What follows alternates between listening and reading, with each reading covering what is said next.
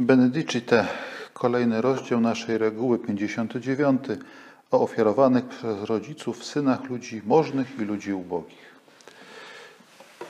Dzisiaj ten rozdział nie ma praktycznego zastosowania, czy też lepiej powiedzieć dosłownego. Nikt już nie ofiarowuje dziecka do klasztoru, tak jak to było przez wieki. Może jednak ten fragment, który dzisiaj czytamy, uwrażliwi nas na to, że warto ofiarowywać i poświęcać swoich dzieci Bogu. Poświęcać je, oddawać, mówić, że należą do Pana Boga, uświadamiać sobie, że dzieci są Bożym darem i że to Bóg jest Panem tych dzieci, nie rodzice, nie wychowawcy, ale właśnie Bóg. A zatem zachęcam Was do tego, abyście poświęcali swoje dzieci Bogu, mając tę świadomość, że Bóg da właśnie Waszym dzieciom to, co dla nich jest najlepsze.